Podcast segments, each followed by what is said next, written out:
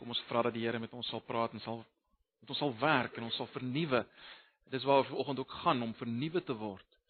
Uh juis in ons denke deur sy woord. En kom ons vra dat hy dit sal doen in die oggend. Ag Here, ons kom na U toe. Ons het nou gesing van die hoogste en diepte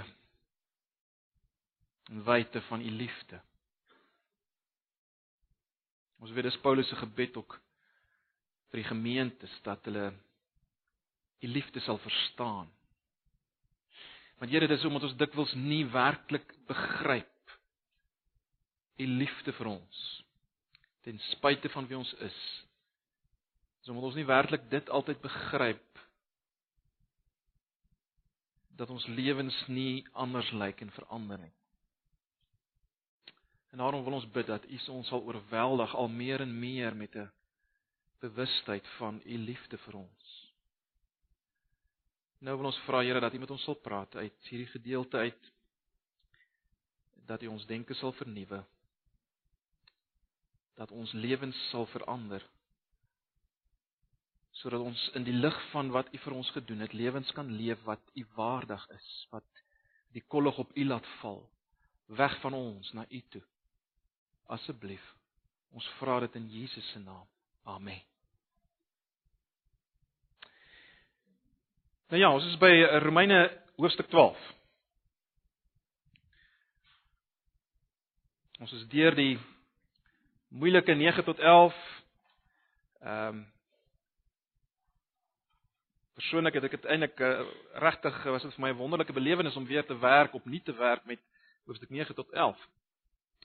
Ehm um, maar vir oggend nou kom ons by hoofstuk 12.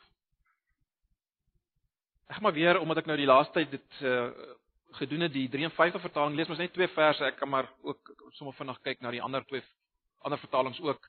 Uh so uh, maak nie saak watter vertaling jy voor jou het nie, jy behoort te uh, behoort te volg en ek sal verduidelik daar waar daar wel ook verskille is. Romeine 12, ons gaan net die eerste twee verse lees. Die 53 vertaling. Ek vermaan julle dan broeders by die ontferminge van God dat julle julle liggame stel as 'n lewende, heilige en aan God welgevallige offer. Dit is julle redelike godsdiens. En word nie aan hierdie wêreld gelykvormig nie, maar word verander deur die vernuwing van julle gemoed sodat julle kan beproef wat die goeie en die welgevallige en volmaakte wil van God is.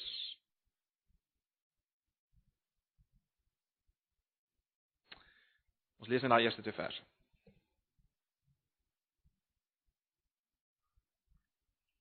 Nou, ek weet nie wie van julle het ooit die animasiefilm Finding Nemo uh, gesien nie. Miskien is dit 'n uh, bietjie benede sommige van julle om so iets te kyk, maar ehm um, die van julle wat dit wel gekyk het, sal nou beter weet waarna ek verwys, maar in die film Finding Nemo is daar 'n laaste toneel uh waar 'n klomp visse wat saam met uh, Nemo in 'n akwarium was op 'n stadium waar hulle in sakkies, daai sakkies waarmee mense waaraan mense die visse koop, lê hulle in hierdie sakkies in die hawe daar by Sydney.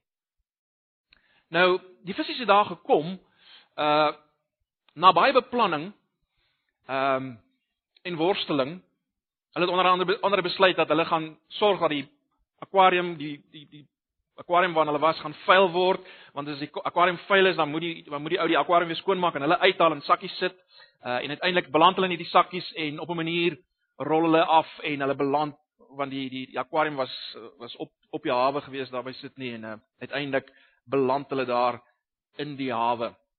En as uh, as aanvanklike groot opgewondenheid by hierdie visse soos hulle nou daar inval in hulle sakkies. Let wel toe sakkies val hulle in die hawe en daar lê hulle. En dan is daar so 'n oomblik van stilte. So 'n oomblik van stilte. En dan kyk jy een visie so dan sê hy, "Now what?" Nou, ons het by hierdie punt dink ek in Romeine gekom. Uh 'n punt waar 'n mens amper iets soortgelyk wil sê. Now what? Of miskien so what? Ons het nou gekyk na uh of ons het geworstel vir weke lank uh deur moeilike gedeeltes in die boek Romeine en ons het gesien wat het God gedoen vir ons? Die sy geweldige genade, ons het ons het gesien, maar die vraag is nou wat nou? So what?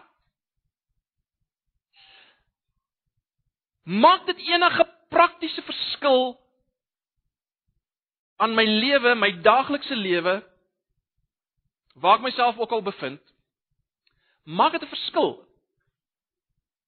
aan hoe ek leef. Met ander dit wat ek gehoor het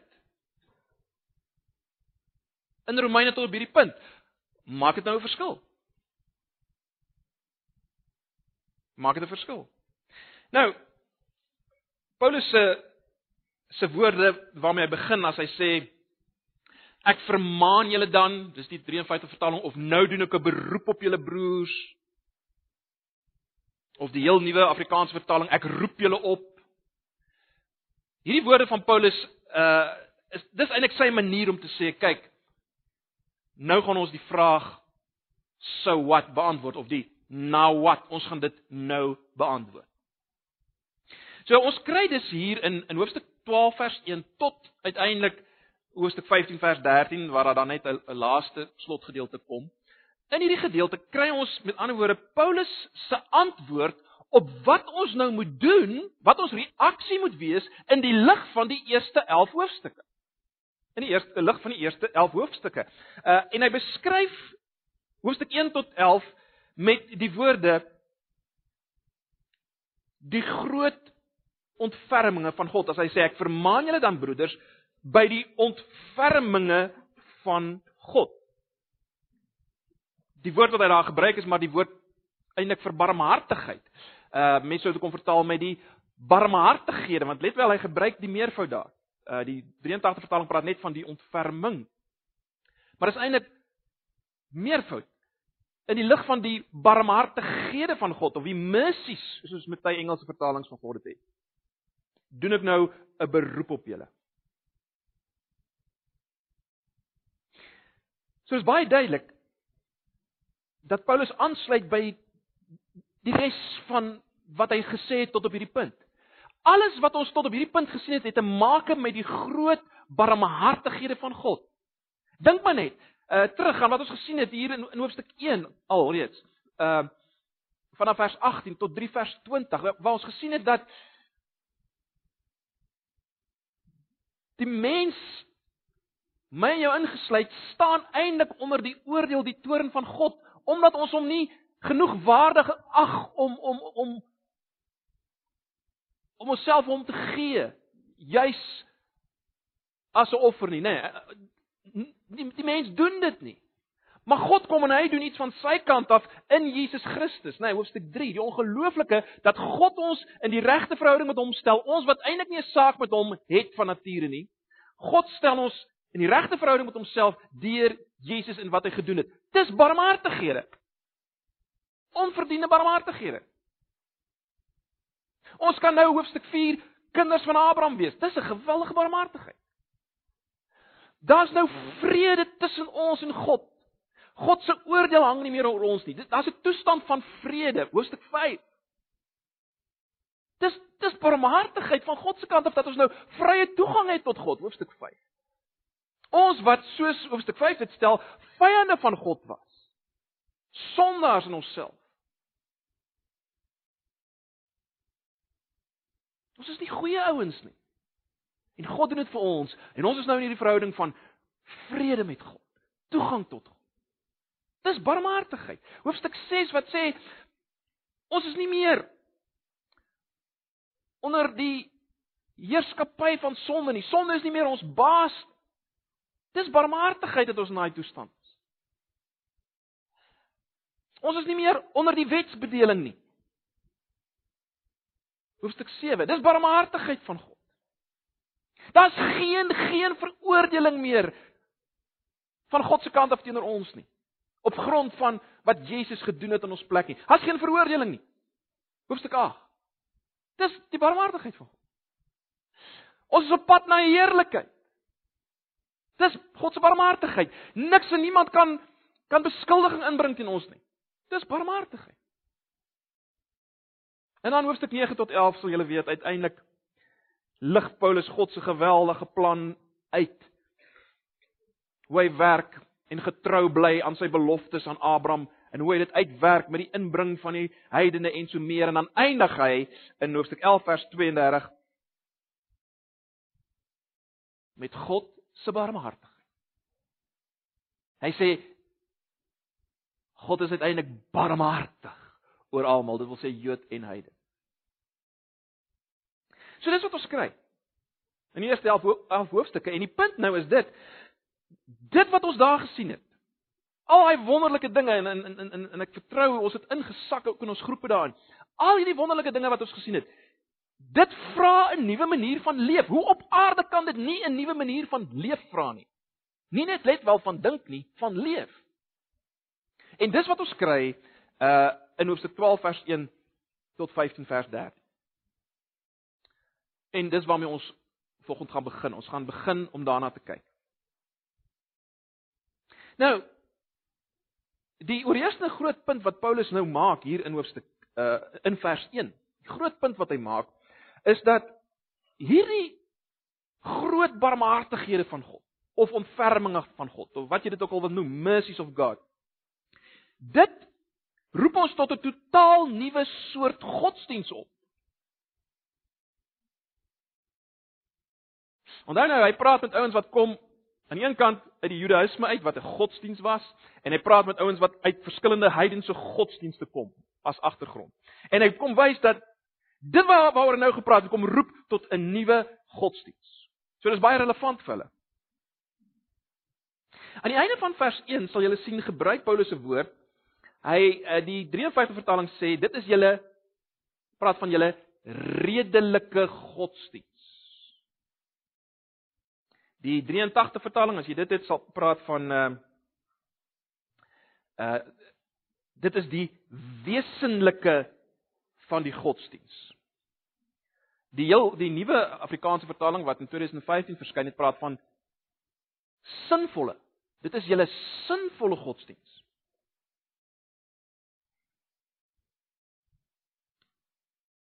Die ESV, English Standard Version, is so 'n bietjie van 'n ander vertaling. Hy praat van This is your spiritual worship.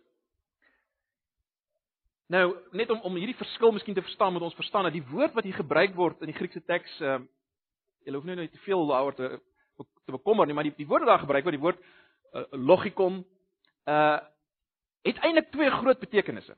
Aan die een kant beteken dit of dit te maak met met met verstaan, met ingelig wees, met die logiese, met die redelike, dit wat met die verstand kan bedink word. Dis die een betekenis. Aan die ander kant het die woord die betekenis van dit wat nie nie letterlik is. Dit wat amper meer metafories is. En jy kan agterkom, dit is die ESV het meer daai kant van die betekenis gekies terwyl die Afrikaanse vertalings het meer die die eerste betekenis gekies. Uh ek dink persoonlik die eerste betekenis is die meer korrekte een in die lig van die die hele konteks van dit wat hy wil sê. Met ander woorde, ek sou kies vir dis dis julle Dis julle redelike of ek sou selfs gaan vir 'n vertaling soos dis dis die logiese van julle godsdiens. Dis julle logiese godsdiens. In die lig van wat ek alles gesê het, is dit julle logiese godsdiens. Ons sal nou kyk wat is hierdie logiese godsdiens. Maar die punt is is uh, en, en ek dink dit is belangrik om om om dit te verstaan. In beide die Judaïsme, aan die ander word die godsdiens waar die Jode gekom het, uh beide by hulle en by die uh ander heidense godsdienste waar hy die ander Christene in die gemeente gekom het.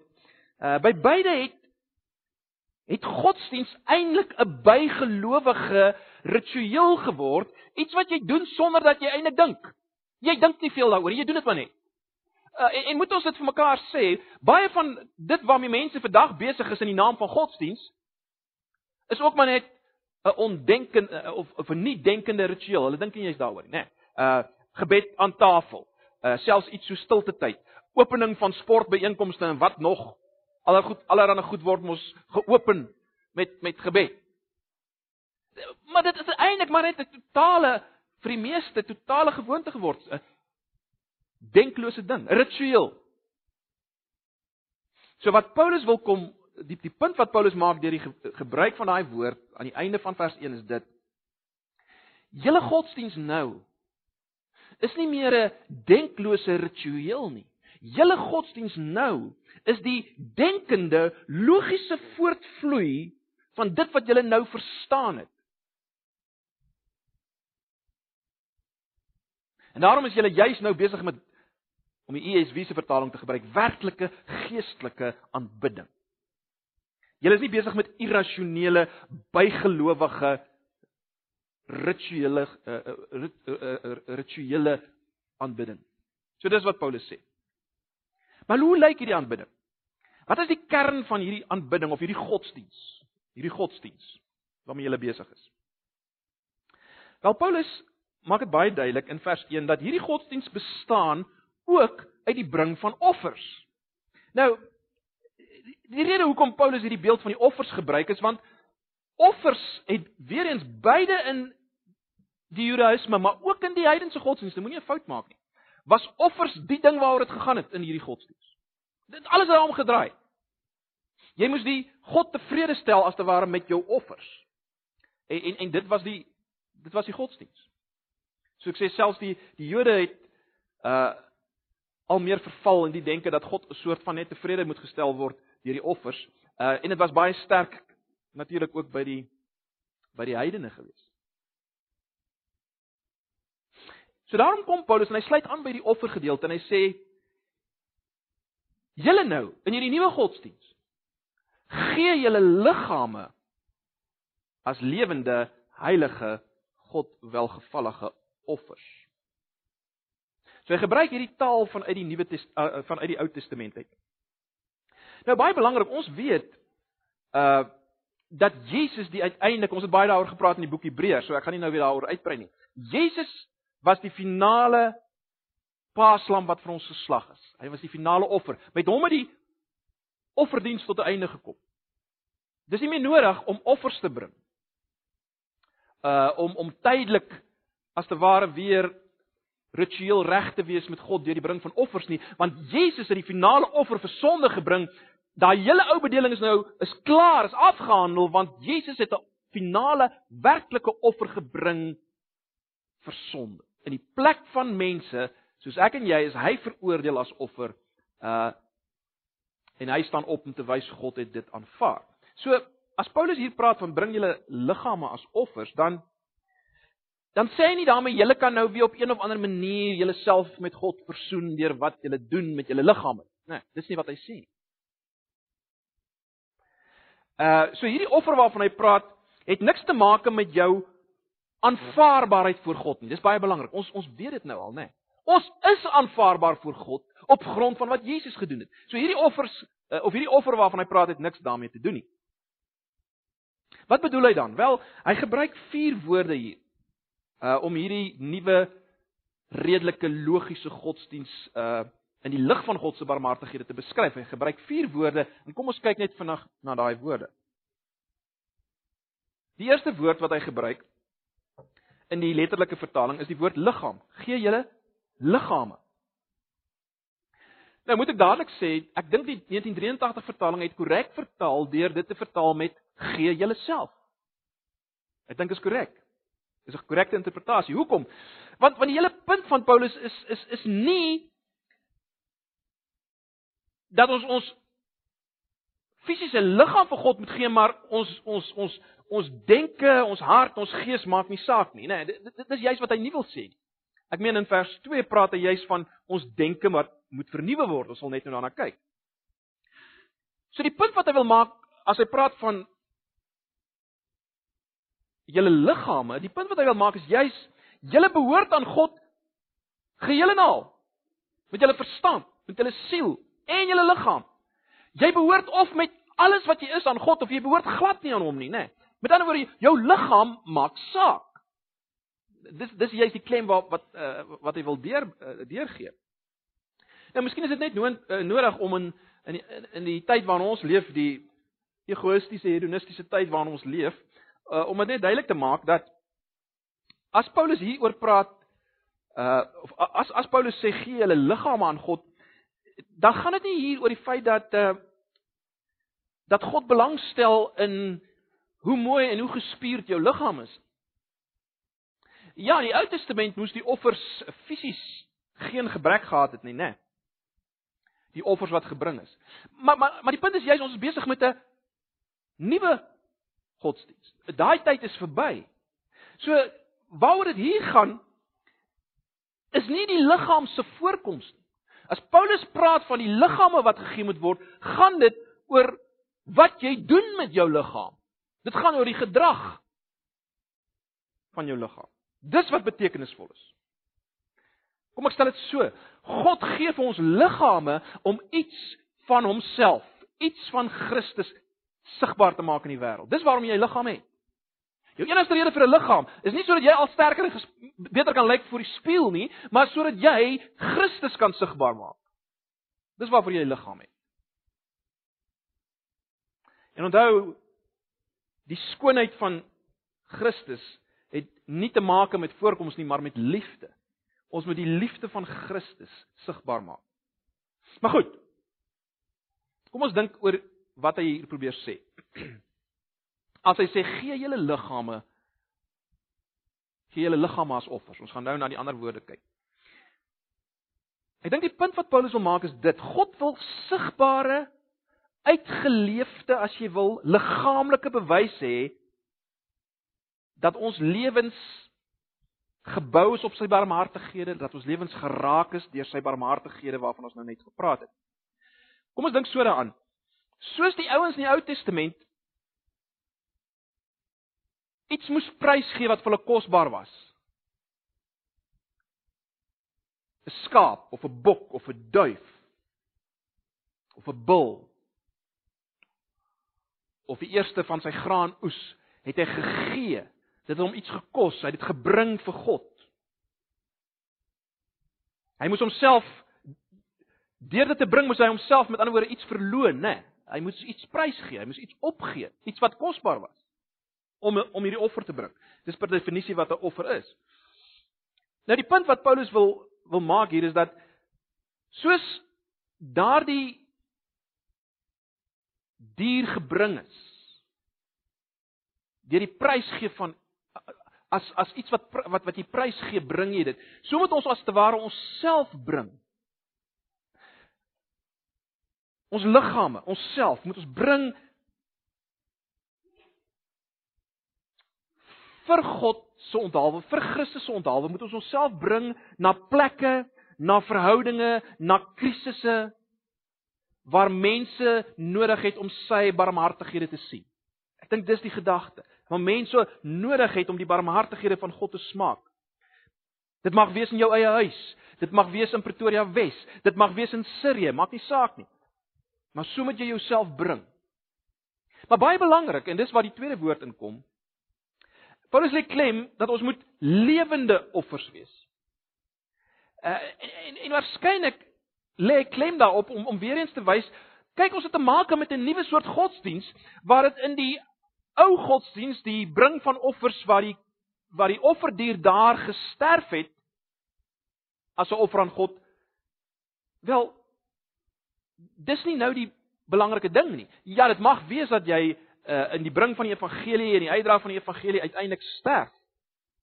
Maar die punt is wat God soek is 'n lewenstyl En dis die belangrike woord. God soek 'n lewenstyl. So hierdie offer waarvan ons nou gepraat het, jou hele wese, jou menswees wat gebring moet word vir God, dis jou lewenstyl, jou hele lewenstyl wat 'n offer is van God. Met ander woorde, elke liewe ding wat jy doen met jou liggaam Alles wat jy doen is 'n handeling van aanbidding en dis baie baie belangrik. Elke ding wat jy doen. Elke ding wat jy doen moet wys dat jy verander is deur die groot barmhartighede van God.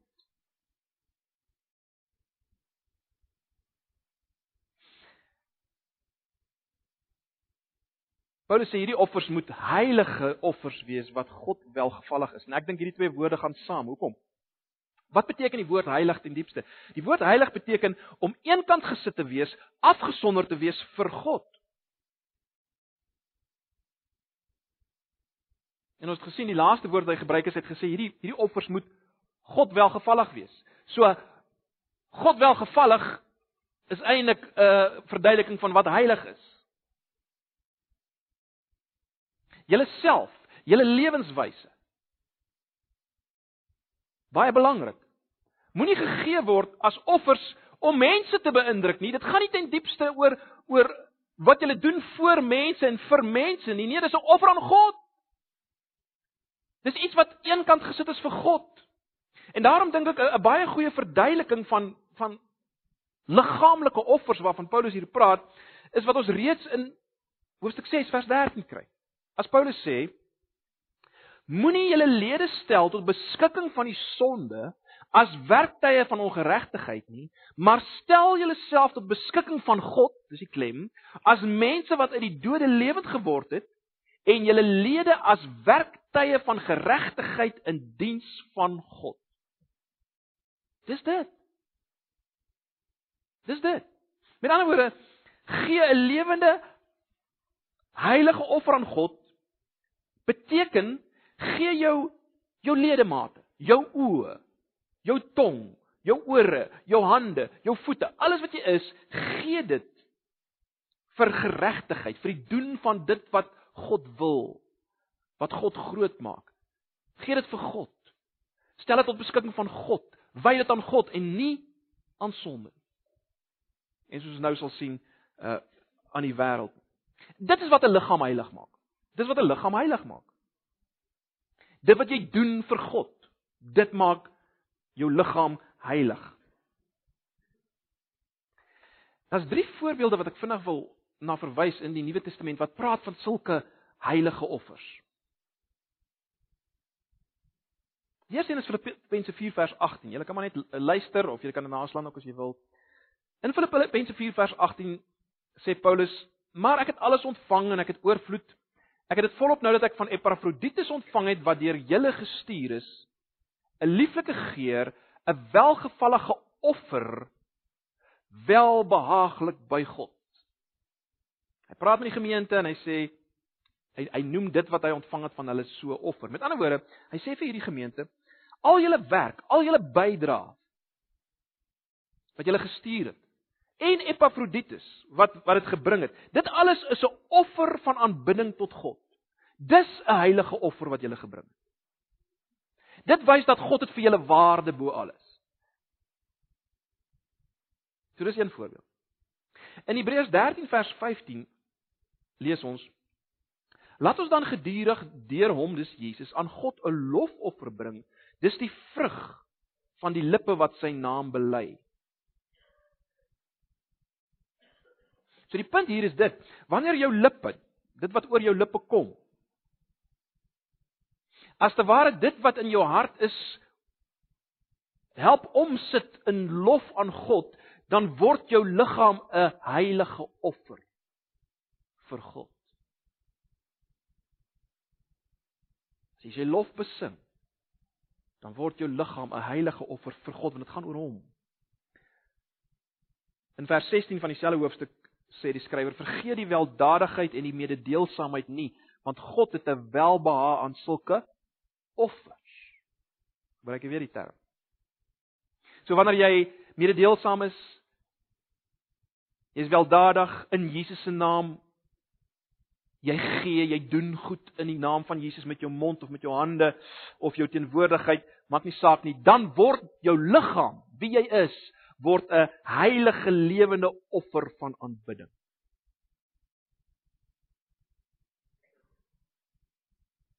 So dis dit sê Paulus, dis dis die godsdiens waarmee jy moet besig wees. En jy kan sien dit weer eens dis 'n lewenswyse, né? Dis nie beperk tot een plek, een dag, een tydjie nie. Ons is verby met daai era, daai tydperk waar waar aanbidding beperk was tot sekere tye en plekke en so meer. Paulus sê nee. Gee julleself. Dis julle aanbidding. Dis julle godsdienst. Hulle godsdienst is allesomvattend. Nie meer beperk tot een tyd en een geleentheid. Dit is belangrik dat ons dit sal raak sien. Maar nou in vers 2 wys Paulus nou wat maak dit moontlik om so te aanbid? Hoe hoe is dit moontlik om so te aanbid of anders gestel, hoe is dit moontlik? Hoe hoe raak dit moontlik om sulke offers te bring? En dis baie belangrik. Daar's twee dinge wat hy hier noem. Twee ononderhandelbare as jy wil aksies wat jy moet uitvoer. Een is negatief en een positief. Dis vers 2. Die eerste ding wat hy sê is dit: Word nie aan hierdie wêreld gelykvormig nie. Word nie aan hierdie wêreld gelykvormig nie.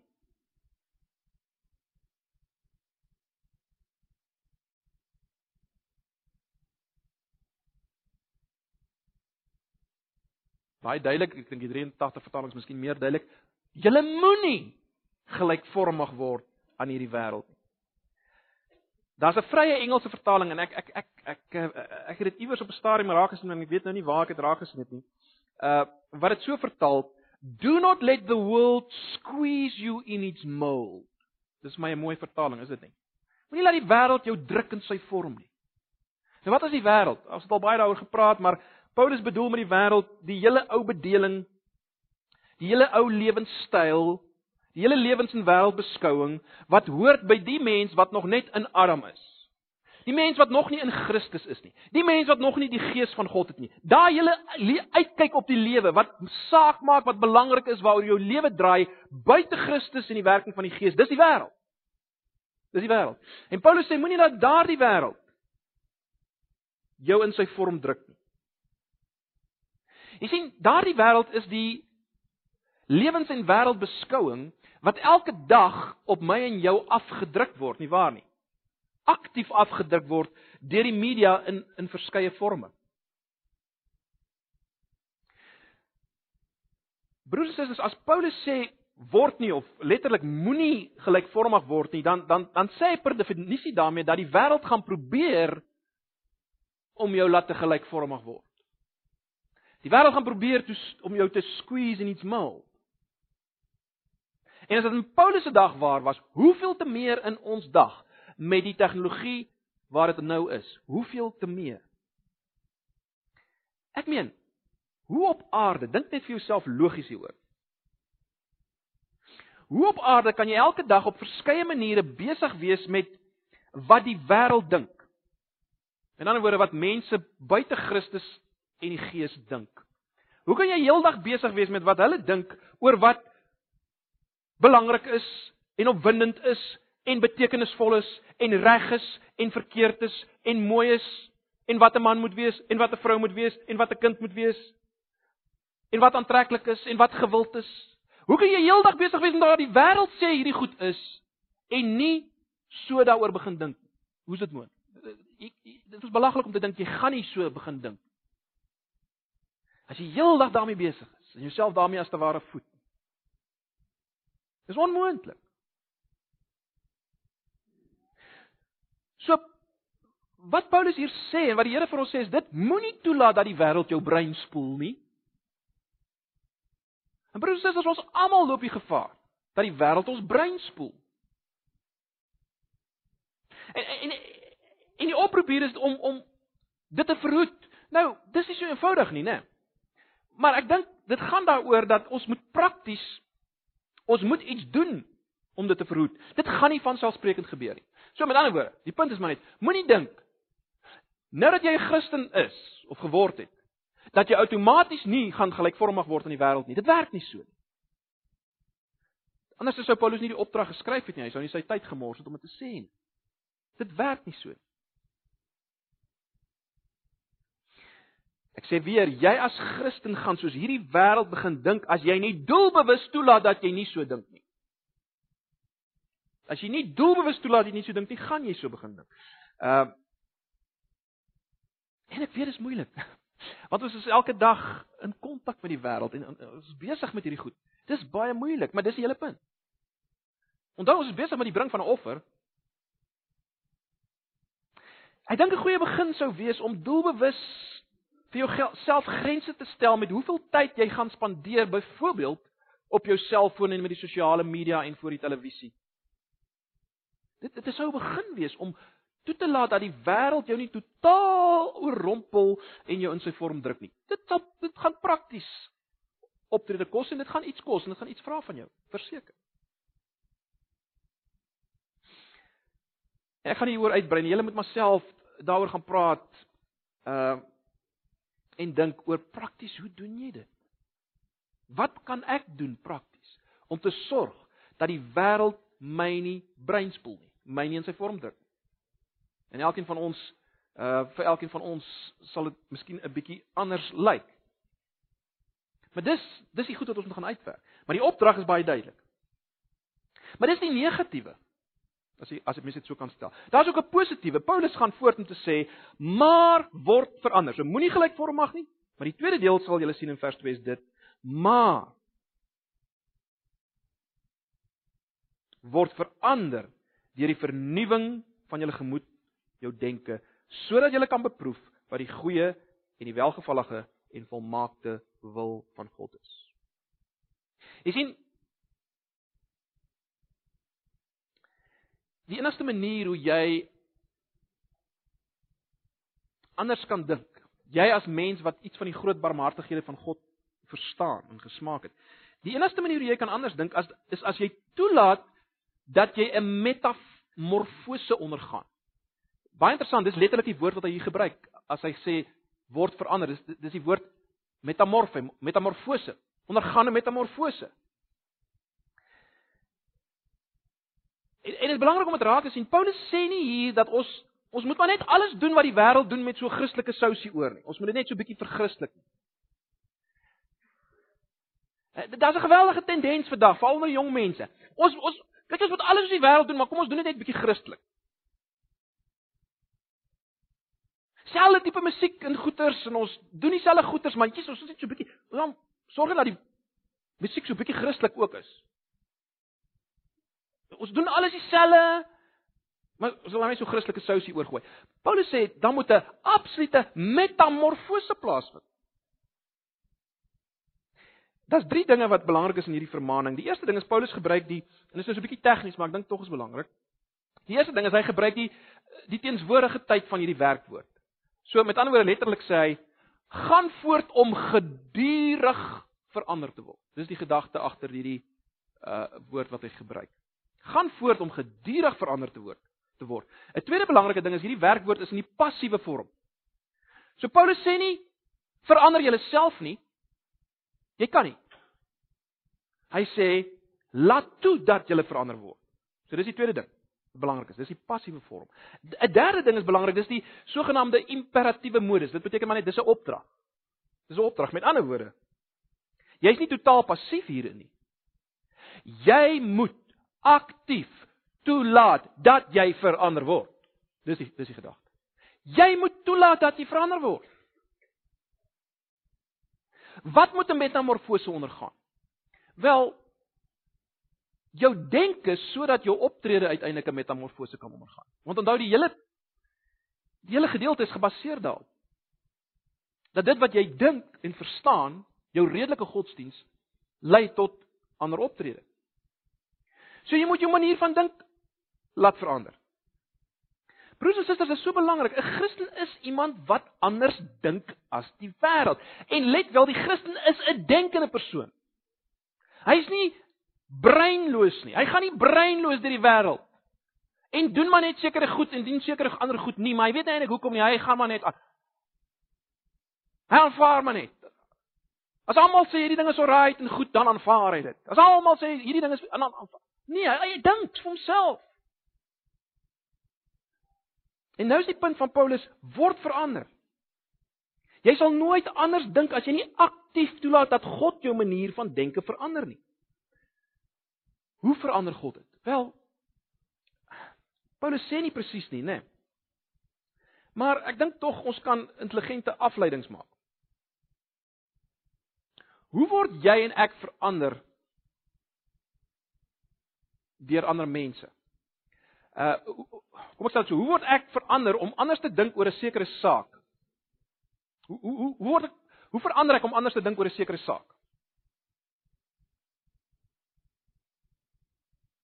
Sien nou maar oor weersveranderinge of die of aardverwarming of wat die geval mag wees. Hoe hoe verander ek om anders te dink daaroor? Wel, as ek in gesprek tree met iemand wat meer daarvan weet as ek of as ek dan nou as ek baie lees oor iemand wat meer weet van hierdie onderwerp as ek, dan begin ek anders dink, ek verander, né? Nee. Ek verander my opinie, ek dink anders, want ek het toegelaat dat ek verander word. En ek dink die gedagte is waarskynlik dieselfde. Ek en jy moet toelaat dat God met ons praat. Dat God ons denke verander. Ons moet tyd spandeer met hom en nou weet ons die enigste manier hoe dit moontlik is is om besig te wees met sy geopenbaarde woord wat uiteindelik mens geword het in Jesus. Ons weet alles wat ons in die woord kry, wys jy na Jesus, vind betekenis in Jesus, moet gelees word vanuit Jesus en dit daarmee moet ons besig wees, hierdie ongelooflike laaste finale woord. Alles wat in die in die Bybel opgeteken is, lees in die lig hiervan en toelaat dat dit ons manier van dink oor wat sin maak in die lewe, oor wat betekenis het, op waarna op waarna toe ek op pad is, waarna ek my tyd moet spandeer, dit moet my verander. God moet my verander deur sy woord.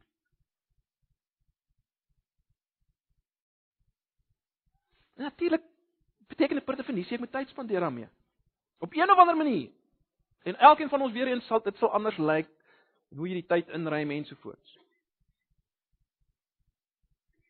Natuurlik is daar ook en ek moet dit byvoeg, in die algemene genade van God is daar baie hulpmiddels.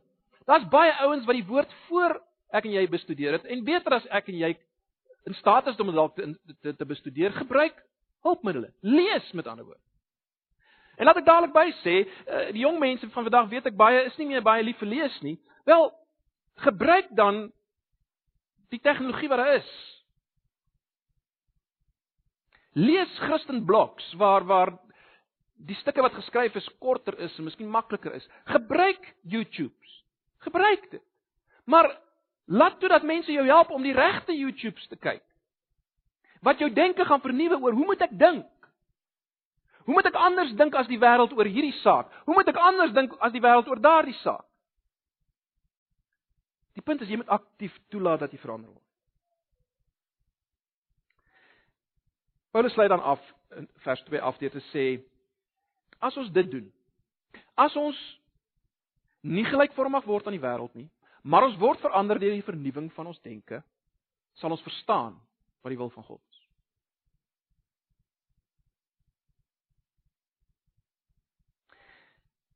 Ek dink die hele gedagte wat hy wil uitbring as hy sê ons sal verstaan wat die goeie en uh welgevallige of aanneemlike en volmaakte wil van God is. Ek dink die hele gedagte is dit. As jy so vernuwe word, nie gelykvormig word nie, jy word vernuwe, sal jy insien sal jy insien dat God se wil is goed en aanneemlik en volmaak. En let wel, God se wil is openbaar. Ons weet wat is sy wil. So weet ek te soek nie. Heiligmaking is sy wil. Uh 1 Tessalonisense 4 vers 3 om gelykvormig te word aan die beeld van Christus in elke aspek van ons lewe. Dis God se wil. Met ander woorde, as jy nie gelykvormig word nie en jy laat toe dat jy verander word, sal jy begin verstaan en jy sal insien dis goed en is volmaak en is aanneemlik.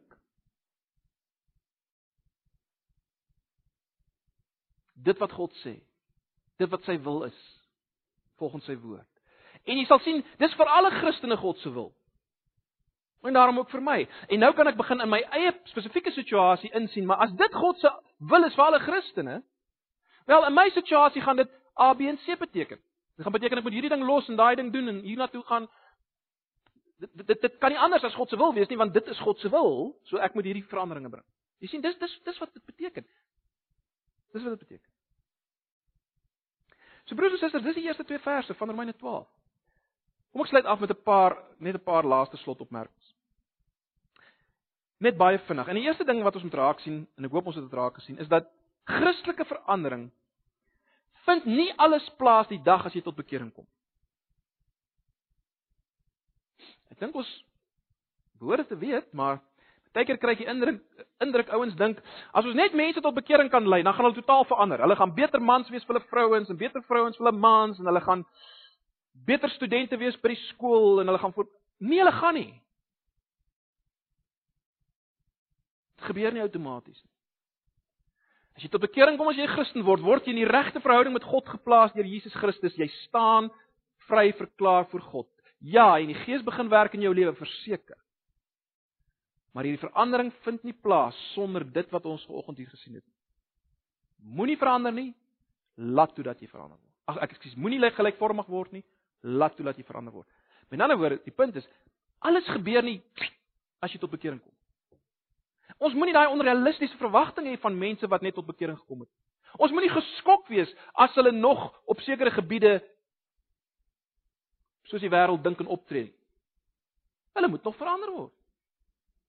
In beginsel is hulle nuwe mense, ja, maar hulle moet nog verander. So, dis belangrik. Ek uh, en en julle moet myself ook daaroor gaan praat. En hand aan hand daarmee die tweede punt. Hierdie verandering vind nie van selfsprekend plaas nie. So dit vind nie alles plaas as jy tot bekering kom onmiddellik nie en dit vind ook vind ook nie van selfsprekend plaas nie. Die twee is maar baie dieselfde. Die punt is maar net dan moet dit dan moet 'n doelbewuste proses aan die gang kom in jou as Christen se lewe. Wat doelbewuste keuses insluit en dit gaan nie noodwendig maklike keuses wees nie. Dit gaan ook moeilike keuses wees. Die die punt wat ons moet raak sien is Christendom vra van jou iets en dit vra van jou alles want jy moet jouself gee as 'n offer. Dit is so belangrik broers en susters. Dit is Christendom. Dis die Christelike lewe. Dis 'n metamorfose. Dis 'n aanbidding. Dis 'n lewenswyse. Ag, ek kan dit nie genoeg onderstreep nie. 'n volgende punt wat hier uit voortvloei weer eens is dat wêreldgelykvormigheid is nie was nie en sal nooit die wil van God vir Christene wees nie. Wêreldgelykvormigheid kan nooit die wil van God vir Christene wees nie. Christene is geneig, en veral jong Christene is geneig om heeltyd te wil weet. Is hierdie ding sonde?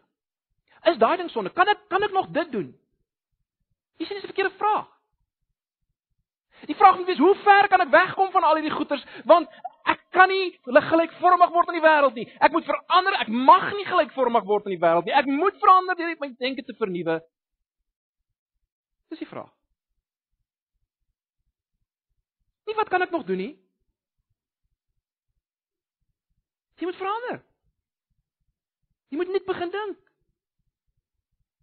Dag jy baie vir agterkom vir jouself agterkom. Wat is die wil van God? Met ander woorde wat pas nie en wat pas? Julle hoor wat ek sê. Die manier van die benadering, hoe ons dit benader is dikwels so verkeerd. Wêreldgelykvormigheid is nie, was nie en sal nooit die wil van God vir Christene wees nie. God wil nie hê ons moet wees soos die wêreld in Adam nie. Nee, hy wil hê ons moet iets beter hê. Iets anders, totaal anders, totaal beter. So dis baie belangrik. Hierdie gedeelte wys dit vir ons. Moenie gelykvormig word. En dan net 'n laaste laaste punt en ons het nou daarna verwys. Wat ons in hierdie gedeelte sien is dat die wil van God kan verstaan word en kan gedoen word. Die rede waarom ons nie die wil van God doen nie, is nie omdat ons nie weet wat dit is nie. Ons wil dit nie doen nie. Ons hou nie van die wil van God nie. Ons wil doen wat die wêreld doen. So ons verskoning moet nie wees dat ek ek weet nie wat is die wil van God. Nee, ons weet wat is die wil van God. Doen dit te slag. Moenie gelykvormig word nie. Word verander deur jou gemoed. Kom onder die invloed van God se woord. En doen sy wil. Dis die laaste punt. Die wil van God kan verstaan. Ag, mag die Here ons help. Om hierdie nuwe godsdienst te beoefen. Hierdie nuwe lewenswyse. Kom ons bid saam. Ag Here, baie dankie vir u woord. Dankie vir die boek Romeine wat u vir ons gegee het deur u genade in in genade gebruik dit, Here. Gebruik dit werk in ons deur die werking van die Gees. Verander ons denke, vernuwe ons. Ek wil bid vir elkeen van my broers en susters en vir myself. Here, help ons om te kan aktief die vormende invloed van die wêreld teen te staan en toe te laat aktief dat U ons vernuwe. Help ons om mekaar daarmee te help in ons gesprekke om mekaar te op te wek, om mekaar te herinner, om mekaar te slyp, uh om anders te dink in die lig van die heerlike barmhartighede van God. Asseblief, Here, help ons daarmee. Ons vra dit in Jesus se naam. Amen.